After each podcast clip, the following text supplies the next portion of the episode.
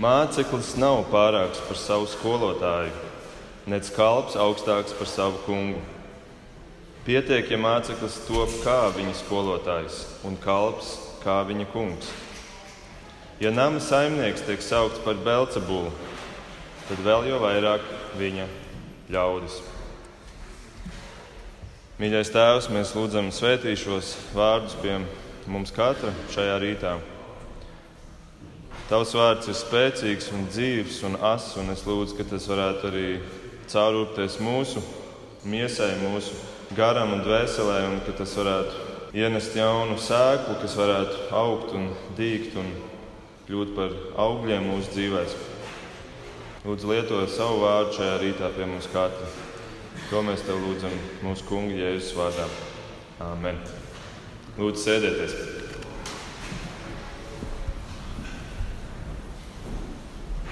Mēs dzīvojam 21. gadsimtā, un mēs dzīvojam laikos, kuros, ja es jums uzdotu jautājumu, cik pasaulē ir kristiešu, tad tā atbilde droši vien būtu virs diviem miljardiem, kas ir gandrīz viena trešdaļa no pasaules iedzīvotājiem. Bet, ja ir tik daudz kristiešu šajā pasaulē, jautājums ir, kāpēc ir tik mazs efekts no viņiem? Kāpēc ir tik maz jūtams viss tas, ko mēs Bībelē lasām? Kāpēc pasaule šodien ir tik ļauna un tik nepilnīga? Un tas fundamentālais skaidrojums, ko Bībele mums dod, ko pats Jēzus dod, ir rakstīts Mateja Evanģēlijā 7 kur Jēzus stāvot kalnā un dodot šīs pasaules lielāko svētkrunu, kalna svētkrunu.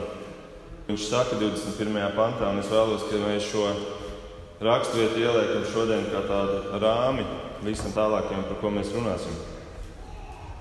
Viņš tur saka, ne ik viens, kas man saka, kungs, kungs, ieies debesu valstībā.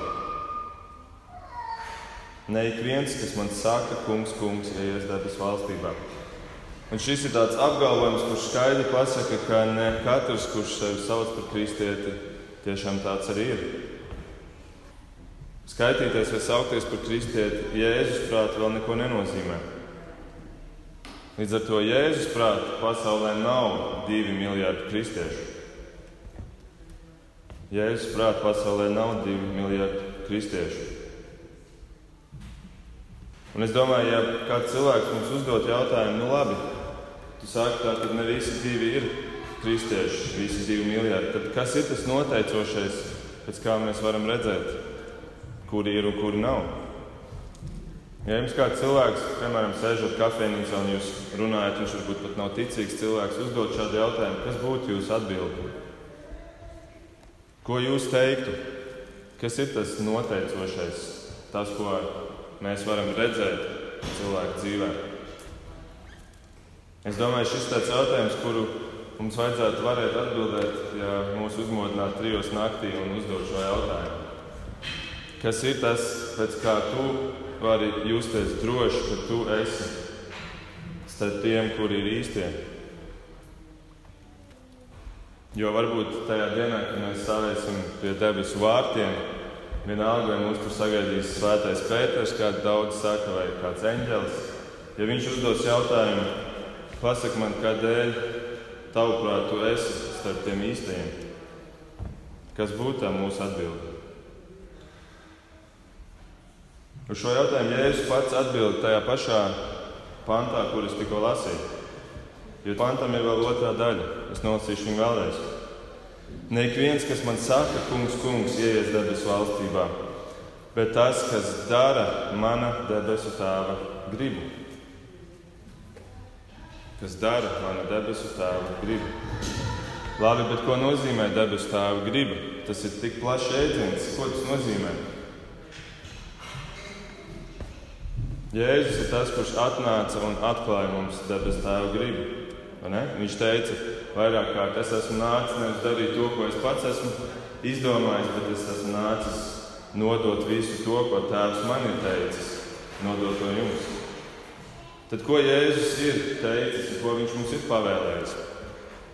Mēs varam, protams, mums pat ir bijusi sērija, ja Jēzus pavēlas ar nezinu cik daudzām svētdienām, bet ja mēs pateiktu, nu labi, no visa tā kopumā mēs varam vienu izcelt, vienu pavēli, kuru Jēzus mums ir devis. Kas būtu tā lielā pavēle? Mēs to saucam par lielo pavēli. Vai lielā pavēle ir ejiet un būvējiet daudz baznīcu? Vai arī ejiet un organizējiet daudzus pasākumus Jēzus vārdā? Vai ejiet un dariet daudzus brīnumus, un rādiet zīmes, un, un runājiet mēlēs, un dziediniet cilvēkus slimos, un izdzeniet dēmonus, un, un, un dariet visu to Jēzus vārdā. Vai tā ir tā lielā pavēle? Nē, lielā pavēle skan šādi. Ejiet un dariet par mācekļiem visas tautas, tās kristīdam tēva, dēla un svētā gara vārdā, un tās mācīdami turēt visu, ko es jums esmu pavēlējis. Lūk, tā ir lielā pavēle. Lūk, tā ir lielā debesu tēva griba attiecībā uz, uz mums, kuri dzīvojam šeit un apgalvojam, ka mēs esam kristieši. Tā ir patiesībā tā redzamā pazīme, pēc kuras mēs varam atšķirt, kuri ir tie, kuri ir starp šiem īstajiem un tie, kuri tikai varbūt apgalvo par sevi. Vai citiem vārdiem sakot, īsto kristieti mēs varam nosaukt vienā vārdā, un tas ir māceklis. Māceklis, un tā es arī vēlos šodien svētdienu nosaukt. Māceklis. Un šīs svētdienas beigās es jums uzdošu jautājumu, vai tu esi Jēzus māceklis? Tāpēc klausieties uzmanīgi, kāds ir Jēzus māceklis, lai jūs varat šo jautājumu priekš sevis atbildēt. Šodienas tekstā, kurus jums tikko lasīju, pirmais vārds būs tas, par ko es vēlos domāt pirmajā daļā, svētdienā, un tad visi pārējie vārdi būs otrajā daļā. Pirmais vārds šajā tekstā ir māceklis. Ko nozīmē vārds māceklis? Grieķu valodā tas ir vārds matete, un tas nozīmē tāds, kurš mācās. Tik vienkārši. Tāds, kurš mācās. Šim pašam vārdam sakne ir atrodama arī vārdā matēma, no kura ir mums latviešu valodā vārds matemātika. Un es domāju, ka jūs piekritīsiet man, ka matemātika ir kaut kas tāds, kas ir jāmācās. Ne? Mēs nepiedzimstam ar jau izpratni par matemātiku. Mans dēls, kurš sēž šodien pirmajā rindā, Joēls, tagad ies 4. klasē, un mēs mājās bieži atkārtojam reizreicinu, lai tas ieiet, ieiet uh, iekšā un nosēžās, un lai tu to vari bet mums vajag naktas vidū tiešām piecelties un nosaukt, dot atbildi. Ir jāmācās. Vācijā, kad es uzaugu tur, es gāju skolā un man mācīja matemātiku, un es tur biju labākais klasē, bet es atbraucu uz šo labo rekomendāciju uz Latviju un, un uh, iestājos pirmajā gimnājā, kurā, kā jūs zināt, ir uzsvars matemātika. Un, ziniet, man gāja daudz grūtāk. Man bija jāmācās, man bija jāatkārto, man bija jālasa teorija un kaut kā jāpārvērš tas viss piemēros savā galvā, lai es to varu salikt uz saviem plauktiņiem. Tāpat kā mēs maziem bērniem rādām grāmatiņas un, un tur skaitļu vietā ir sākumā konfektīts vai kādi ābolīši. Un rezultātā mums tas dzīvē noder. Es domāju, mēs katrs vismaz pamats esam apguvuši, un mēs zinām, cikos mums ir jāierodās uz dievkalpojumu, jo mēs mākam lasīt pulksteni, un mēs mākam saskaitīt naudu makā un tā tālāk. Un tāpat ir ar mācekli garīgajā dzīvē. Māceklis ir tas, kurš mācās. Un tas ir pirmais jautājums, domāju, ko mēs varam pārdomāt pie sevis. Vai es esmu tāds, kurš mācās? Kurš mēģina nevis stāvēt un samierināties ar to, kur es esmu jau ticis šajā dzīvē, bet ka es esmu tas, kurš mācās, kurš grib augt, kurš saprot, ka tur ir tik tāls ceļš vēl ejams un es gribu iet šo ceļu. Māceklis ir tāds, kurš mācās. Bet tad mēs varam jautāt, labi, ko mācās un no kā mācās? Sāksim ar jautājumu, no kā mācās, jo tas ir vienkāršs jautājums, vai ne? No sava kunga un skolotāja Jēzus. Tāpēc ir svarīgi, ka mēs esam Jēzus mācekļi, nevis paši savi mācekļi. Kā mūsdienu sabiedrībā tiek likts uzsvars, ka tu pats esi savu kungs. Un es domāju, ka ir ļoti droši apgalvot, ka mēs katrs esam kāda mācekļa. Jautājums ir, kura mācekļa? Un, ja mēs neizdarām apzināti izvēli, ka mēs gribam būt un būsim Jēzus mācekļi, tad mēs automātiski esam kāda cita mācekļa. Jo viss tas, ko mēs šodien lasām un saņemam, visa tā informācija, tā mūs māca, mēs neesam imūni pret to. Tad Jēzus māceklis mācīsies no sava skolotāja un kunga Jēzus. Jāņa 8,31. Jēzus saka, ja jūs paliekat manos vārdos, jūs patiesi esat mani mācekļi. Redzēt, šeit ir tā tā līnija novilkta starp tiem, kuri apgalvo tikai, jā, jā, jā es esmu kristietis. Jēzus man ir svarīgs dzīvē. Jā, es eju uz dievkalpojumu, es lūdzu, es lasu Bībeli. Bet jautājums ir, vai tu paliec manos vārdos, Jēzus vārdos? Palikt Jēzus vārdos nozīmē nevis tikai izlasīt un tad aizmirst, bet palikt viņos, dzīvot viņos, uzbūvēt savu telti šajos vārdos un dzīvot tur un palikt viņos un gribēt palikt šo vārdu, vārdu ierobežojumā, neiet ārpus tiem, uzbūvēt sētu apkārt un dzīvot tur. Patiesie mācekļi ir tie, kuri paliek Jēzus vārdos, un nepatiesie mācekļi ir tie, kuri nepaliek un nemācās no Jēzus, jo viņi paši zina labāk. Mēs esam atbildējuši jautājumu, no kā mācās, bet tagad jautājums, ko mācās? Ko Jēzus māca, kas mācās? Un, protams, mēs varam teikt, ka no Jēzus var mācīties ļoti, ļoti, ļoti daudz. Es domāju, ka ir skaidrs, ka pietiks visai dzīvei un vēl paliks pāri. Un, ja kāds saka, es jau esmu visu apgūlis, tāpēc man vairs nav vērts lasīt Bībeli, jo es jau visu esmu izlasījis trīs reizes, Nav vērts apmeklēt tos dievkalpojumus, jo tur tāpat runā jau visu to, ko es esmu dzirdējis. Nav vērts iet un līdzdarboties draudzē. Es labāk dzīvošu savu kristiešu dzīvi pats vienatnē. Ziniet, man gribās teikt, ka šis skolnieks, māceklis nepazīst savu skolotāju. Vismaz nepazīst šo skolotāju, Jēzu. Jēzus lielajā pavēlē viņš saka, mācīdam turēt visu, ko es jums esmu pavēlējis. Visu, ko Jēzus ir pavēlējis, ir, tas viss ir jāmācās. Bet Jēzus pat saka, nevis mācieties visu, ko es jums esmu pavēlējis, bet ko viņš saka? Māciet citus. Redziet, tātad, lai es vispār varētu mācīt citus, man pašam ir jāmācās man ir jāapgūst tas, un tad es varu iet mācīt citus. Un, un šeit mēs um, varam teikt, ka Dievs ir žēlīgs, ka Viņš ir ierobežojis to savu atklāsmi, to, ko Jēzus šeit Bībelē ir mācījis. Citādi tas apjoms varētu būt vēl lielāks, un mums būtu vēl daudz vairāk, ko apgūt pašiem un mācīt citiem. Kā nekā apstults Jānis savā evanģēlijā pēdējais pants skan šādi: ir vēl daudz cita, ko Jēzus ir darījis, un ja to visu pēc kārtas mēs uzrakstītu, tad man šķiet, visa pasaule nevarētu uzņemt sarakstītās grāmatas.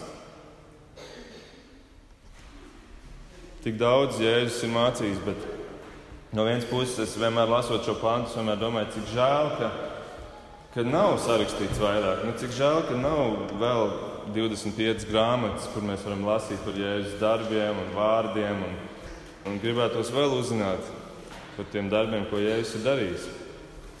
Bet no otras puses, lielās pavēles gaismā mēs varam būt pateicīgi, jo tā viss ir atbildība mums, kas mums tiek uzlikta to visu dot tālāk. Tādēļ paldies Dievam, ka Viņš ir, kā daudz kur arī citur, Viņš ir izteicies ļoti lakoniski.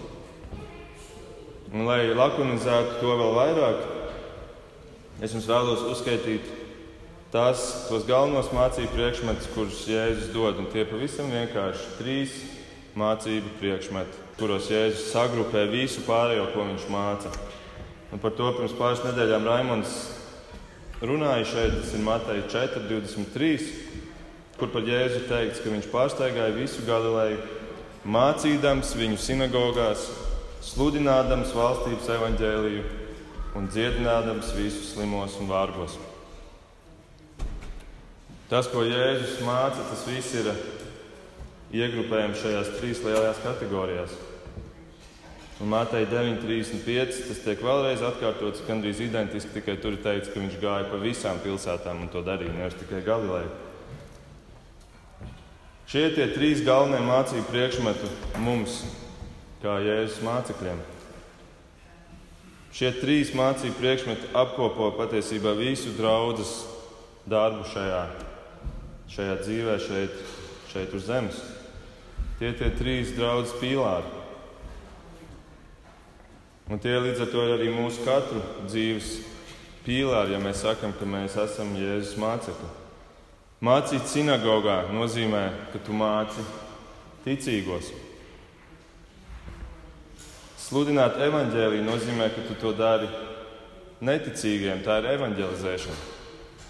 Tu viņiem stāsti mazliet citādāk nekā tiem, kuri jau ir pieņēmuši Kristu un jau ir Kristus mācekļi, kur tu mācot to ej dziļumā, sludinot evaņģēlīju, tu vairāk rādi tos plašumus un rādi to lielo bildi. Un trešais dziedināt, tas ir darīt visus tos mīlestības darbus, tos praktiskos. Šodien tas nozīmē, ka mēs lūdzam par dziedināšanu, nākam kopā arī un lūdzam un palīdzam un atbalstam un pasniedzam viens otram roku un plecu un kopīgi ejam un darām visu to, ko tu nevari izteikt vārdiem, bet ko tu dari ar darbiem. Lūk, šajās trīs nozarēs, jomās Jēzus māceklim ir jāmācās. Un, un kā jau teicu, tā apbrīnojamā lieta visā tajā, ko man liekas, arī mēs daudz aizmirstam, un, un mēs, arī es bieži aizmirstu, ir, ka te nav runas tikai par mācīties, Bet lielā pavēle patiesībā saka, māci. Tavs mērķis nav uzkrāt zināšanas, kā labāk kalpot, vai uzkrāt zināšanas, kādas ir Bībeles doktrīnas, vai uzkrāt zināšanas, kādas ir biznesa pasaulē izmantojamās stratēģijas labākajai un efektīvākajai evanģelizācijai lielos pasākumos. Zināšanas nav tas galamērķis. Galamērķis ir gudrība, kā izmantot šīs zināšanas. Augt gudrībā, redzēt, kā Jēzus to pasniedz, kā Jēzus to dara, un tad iet un pašam to darīt. Un tas, ko Jēzus šeit saka, viņš, viņš sūta šo savus mācekļus, viņš saka, ejiet jūs un dariet. Un tā kā mēs paskatāmies, Jēzus ir pirmā paudze, 12 mācekļi ir nākamā paudze, un viņi tiek sūtīti pie trešās paudzes. Tātad tas darbs ir divas paudzes uz priekšu. Un jautājums ir par mums, kāda ir mūsu kristīgās dzīves un garīgās kalpošanas stratēģija. Vai mēs domājam par tām divām paudzēm uz priekšu, vai mēs mācām, vai mēs darām par mācekļiem, mācekļu darītājus. Tāds ir tas Jēzus mērķis. Tev ir jāiet un jādara par mācekļu darītājiem. Un, ziniet, mans personīgais stāsts, es jau nometnē arī tie, kur jūs bijāt, stāstīju par to, kā, kā es nonācu vispār pie šīs kalpošanas, ir, es patiesībā nekad nebiju plānojis kļūt par sludinātāju vai mācītāju. Tas nekad nav bijis mans mērķis, un es pat neesmu par to diži sapņojis vai domājis. Bet tagad Dievs izmainīja manī kādas lietas, un par to es stāstīju. Tas bija saistīts ar to manu kājas traumu futbolā, tad, um, tad kā rezultātā es sāku saprast vispār šo Bībeles vēstu. Un es šo skaistumu, ko es sāku priekš sevis ņemt un sākt ieraudzīt vispār, ko nozīmē Bībele, Bībeles vēsts kopumā, es vienkārši nevarēju citādāk kā paturēt to pie sevis, un es gribēju iet un to stāstīt un mācīt tālāk. Un tas arī ir viss, viss tas noslēpums, kāpēc kāpēc es šodien stāvu šeit. Visa mana motivācija un, un iemesls. Mācīties un, un gribēt to dot tālāk. It kā tas būtu kaut kas tik skaists, ka tu negribi to paturēt sevi, jo tev bail, ka tas tiks samaitāts tevī. Ka tu gribi to nodot tālāk, lai vēl kāds to var paņemt. Un, un tad mēs varam patiesi teikt, ka šī ir tā labā vēsts. Mācies un māci tālāk nākamos. Un tas var būt dažādos veidos. Nav jau visiem jākļūst par sludinātājiem. Dievs pat ir uzlicis diezgan liels ierobežojums tiem, kurus viņš ir aicinājis par tiem, kuri var mācīt tajā sinagogā, kā, kā Jēzus laikā to sauc. Bet mācīt var daudzos, daudzos citos veidos. Pirmais jau ir tas, ka ir jāmācās svētdienas skolā bērni. Tā ir tā nākamā paudze. Var mācīt mazajā grupā, var mācīt, un, un ir efektīvs veids tikties vienatnē ar kādu cilvēku un, un palīdzēt viņam augt, īpaši kādam jaunam kristētim. Mācīt kādā draudzes kalpošanā. Tāpat var mācīt, palīdzot rakstot kādas, kādas ziņas, piemēram, draudzes vai kādas mazas grupas materiālus. Ir tik daudz jomas, kur to var darīt, bet tā jēzus pavēle ir ej un dari to. Ziniet, ebreju vēstulē 5. nodaļā Ir tādi vārdi, kuri man liekas šeit ļoti labi iedarās un parāda to. Viņš raksta, par to mums būtu daudz ko sacīt, bet to ir grūti izskaidrot, tādēļ, ka jūs esat kūtri uzklausīt. Laika ziņā jums gan pienāktos jau būt par skolotājiem, bet kādam atkal jums ir jāmācās dieva mācības pamatpatiesības. Tā vietā, lai jūs ēstu stipru barību, jūs aizvien vēl dzerat pienu. Nevienam, kas patiek no piena, nav patiesības vārdu pieredzes, jo viņš ir zīdains. Bet pieaugušajiem pienāks stipra barība, jo tie ir ievingrinājuši uztvērt spēju atšķirt labu no ļauna. Redziet, te ir teikts, laika ziņā jums gan pienāktos jau būt par skolotājiem. Un tas nērtais jautājums, kur es varu uzdot mums katram, ir, cik ilgi tu esi draudzē? Cik ilgi tu esi draudzē, varbūt ne šajā draudzē, bet vispār draudzē, kādās citās draudzēs. Cik ilgi tu esi draudzē, vai tu esi kļuvis par skolotāju, kurš māca tālāk nākamās divas paudzes? Vai tu esi aktīvs māceklis, kurš mācās tādēļ, lai es varētu mācīt nākamos? Un, ziniet, ja mums būtu divi miljardi cilvēku, šādi cilvēki, kuri māca, kuri, kuri grib mācīt, kas tā būtu pa pasauli mums šeit, tad nebūtu divi miljardi kristiešu. Es domāju, tad būtu gandrīz visi kristieši.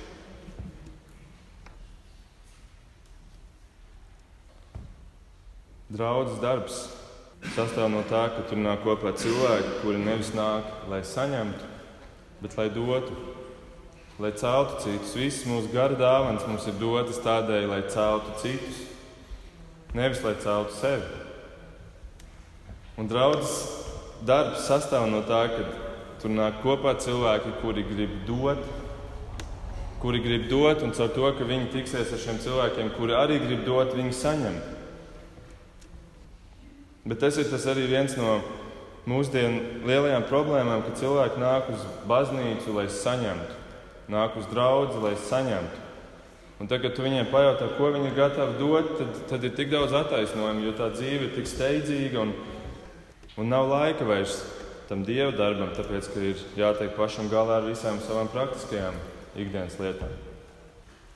Un tad tur ir tas jautājums, vai tu vari sevi saukt par mācekli?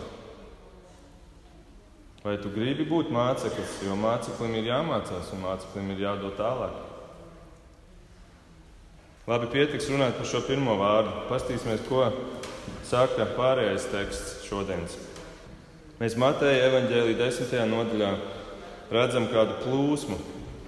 Mācītājs Girts jau runāja pagājušajā nedēļā par pantiem 5 līdz 15, un tie panti atbild uz jautājumu, kā mācīt. Jēzus tur sūta savus 12 mācekļus un saka, dariet to un to un to un to. Un tas ir kā tāds paraugs tam, kā mums būtu jāiet un jādarbojas. Pēc tam no 16. līdz 23. pantam, un tāpēc arī iedevu ģirtam izlasīt tik garu ievadu raksturvietu. Ja jūs kādā brīdī domājat, nu, ārprāts, cik garš, cik garš lasījums, tad to, tās negatīvās domas droši vērsiet pretī man, jo tā nebija ģirta izvēle. Bet es gribēju, ka jūs redzat šo plūsmu. No 16. līdz 23. pantam Jēzus saka, kas notiks tad, kad jūs to darīsiet, ka jums būs negatīvi efekti. Un tad no šodienas panta līdz pat nodaļas beigām tas lielais jautājums varētu būt, vai tu esi gatavs maksāt šo cenu, būt par Jēzus mācekli. Mācekļi, es domāju, ka viņi noklausījās šo visu. Tad viņi nodomāja, nu, Jēzu, nu, kas tas ir par piedāvājumu? Tu mūs gribi sūtīt kā avis vilku vidū. Tu saki, ka mūs vedīs tiesu priekšā, Tu saki, ka mūs vajās un pat ģimene nostāsies pret mums. Kas tas ir par piedāvājumu? Bet Jēzus tos šodienas vārdus šajos divos pantos pasaka, lai parādītu, ka esiet gatavi tām sekām, kas būs, ja jūs būsiet patiesi mani mācekļi. Jo tur būs kāda viena slikta ziņa un kāda viena laba ziņa. Un tā kā Jēzus sāk ar slikto ziņu, tad arī mēs sāksim ar slikto ziņu. Tad Jēzus saka, ka māceklis nav augstāks par savu skolotāju. Un es domāju, tas ir, tur nav ilgi jāskaidro, tas ir pavisam skaidrs. Protams, ka skolotājs ir augstāks par savu skolnieku. Es pats pasniedzu mākslas akadēmijā, un man ir tā autoritāte un tā vara iedot kādas atzīmes, novērtēt šo skolnieku studentu darbus, un man ir arī tā vara izlemt, vai šis students ir gatavs pārcelties uz nākamo līmeni. Un šajā gadā man bija tā pieredze, ka viens students nebija kvalificējies šim, šai pārcelšanai. Tā kā es ļoti labi saprotu šos vārdus, un es domāju, ka jūs arī to saprotat. Bet tad kādā ziņā šis teikums, ka māceklis nav augstāks par savu skolotāju, kādā ziņā tas ir negatīvi uztverams? Kas ir tā sliktā ziņa? Un tā sliktā ziņa ir, protams, tā, ka Jēzus to saka attiecībā uz visu to, kas bija pirms šiem pantiem, proti, sagaidiet, ka ar jums notiks tas pats, kas notika ar mani. Būs kādi negatīvi efekti, būs iespējams jums vajāšanas, ciešanas, Paralēlajā rakstvietā Jāņa 15 ir teikt šādi: Atcerieties vārdus, ko es jums sacīju. Kalps nav lielāks par savu kungu. Ja tie vajājuši mani, tie vajās arī jūs. Jo vairāk tu būsi kā savs skolotājs, un tas ir tas mūsu mērķis, kļūt līdzīgākiem Kristum, jo vairāk pasaule tevi apiesies kā ar tavu skolotāju. Un tad Jēzus 25. pantā saka, pietiek, ja māceklis top kā viņa skolotājs. Šis vārds pietiek. Māceklim pietiek, viņam nav jābūt augstākam. Nesagaidi, ka tev būs labāk. Nemeklē vieglāku ceļu, lai tev pietiek ar to. Pāvila vārdiem sakot, lai es atzīstu Kristu un viņa augšām celšanās spēku un līdzdalību viņa ciešanās. Tā ir tā mācekļa attieksme, ka es, es esmu gatavs būt līdzdalīgs šajās, šajās ciešanās. Tie, kas bijāt nometnē, jūs arī iespējams dzirdējāt Ilmāra Hirša lekciju, un viņš pieminēja vārdu svešniecība. Svešniecība. Ka tu esi svešs pasaulē, ka tu esi nesaprotams pasaulē. Bet tas nozīmē vienlaikus, ka tu esi pazīstams un saprotams savam skolotājam. Viņš gāja šo ceļu, un tu tagad ej šo ceļu. Un tā patiesībā ir laba zīme. Un es domāju, ka mums katram ir jāapsaka sev, es esmu gatavs, ka pasaule mani nesapratīs. Es esmu gatavs, ka visi mani nemīlēs. Es esmu gatavs, ka es nebūšu visu draugs. Es esmu gatavs, ka es piedzīvošu to, ko piedzīvoja mans kungs Jēzus. Un tad Šodienas raksturvieta noslēdzās ar vārdiem: Ja nama saimnieks tiek saukts par Belcebulu, tad vēl jo vairāk viņa ļaudis. Belcebuls ir simbols pašam vēlnam. Jūdi tajā laikā bija ļoti garīgi. Viņiem visa vecā derība nāca līdzi, viņi visi uztvēra garīgi. Un tāpēc viņu zemiskākais apvainojums bija: Tu esi no vēlna. Es domāju, ka šodienas sabiedrība nav vairs tik garīga. Šodien mēs dzīvojam sekulārākā sabiedrībā, tādēļ arī tie apvainojumi ir sekulārāki. Jo šodien cilvēki, kuri netic dievam un sātanam, viņi neapvainos mūs, ka tu esi sātanists. Bet tas, ko viņi teiks par mums, ir ticēt dievam, tā ir muļķība.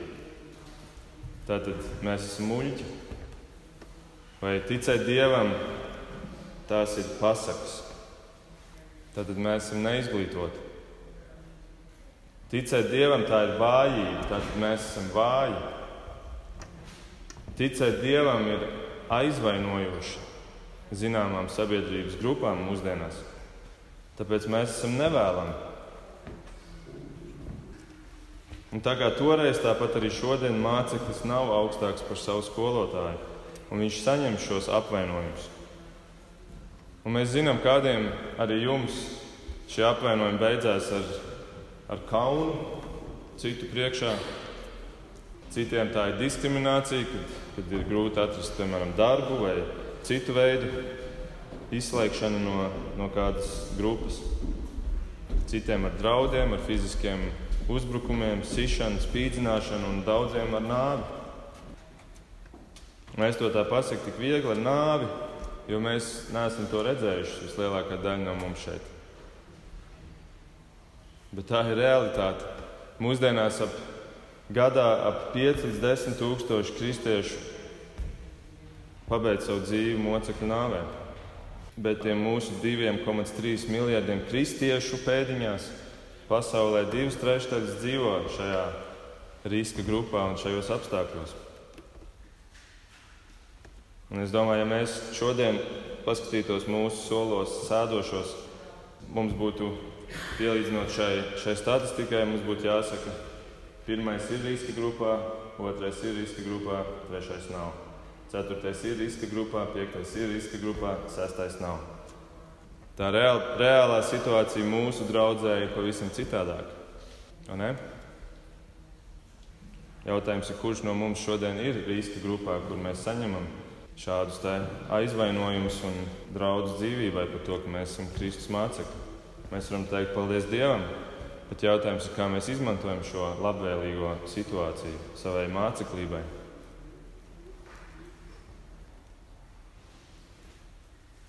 Tāpēc māceklis nav augstāks par savu skolotāju. Atcerieties to, ka jūs sagaidīs kādu negatīvu blakus efektu.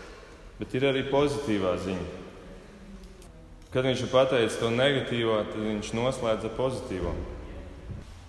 No 26. panta sākās tāda vesela, vesela jauna rinkopa, kur tiem, kam ir jaunie tulkojumi, jūs redzat, tur ir virsraksts nebīsties.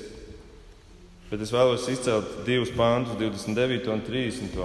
Ja es tur saku, vai divus virbuļus nepārdot par nieka grasi, un neviens no tiem nekrīt zemē bez jūsu tēva ziņas, bet jums pat visi mati uz galvas ir saskaitīti.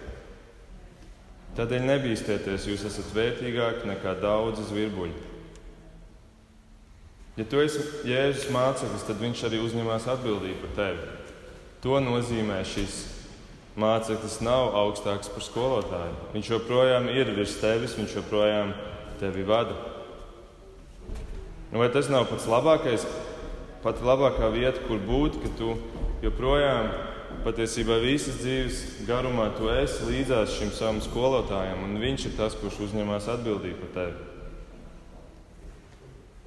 Es jau jums pirms kāda laika, ilgāka laika stāstīju par savu pieredzi, kad es sāku šo misiju Vīlāns draudzē. Tad man bija tā sajūta, ka nu, es esmu sācis to, to dieva darbu, un es esmu drošībā, jo dievs, dievam ir plāns priekš manis, manas misijas, un tāpēc viņš man sargās.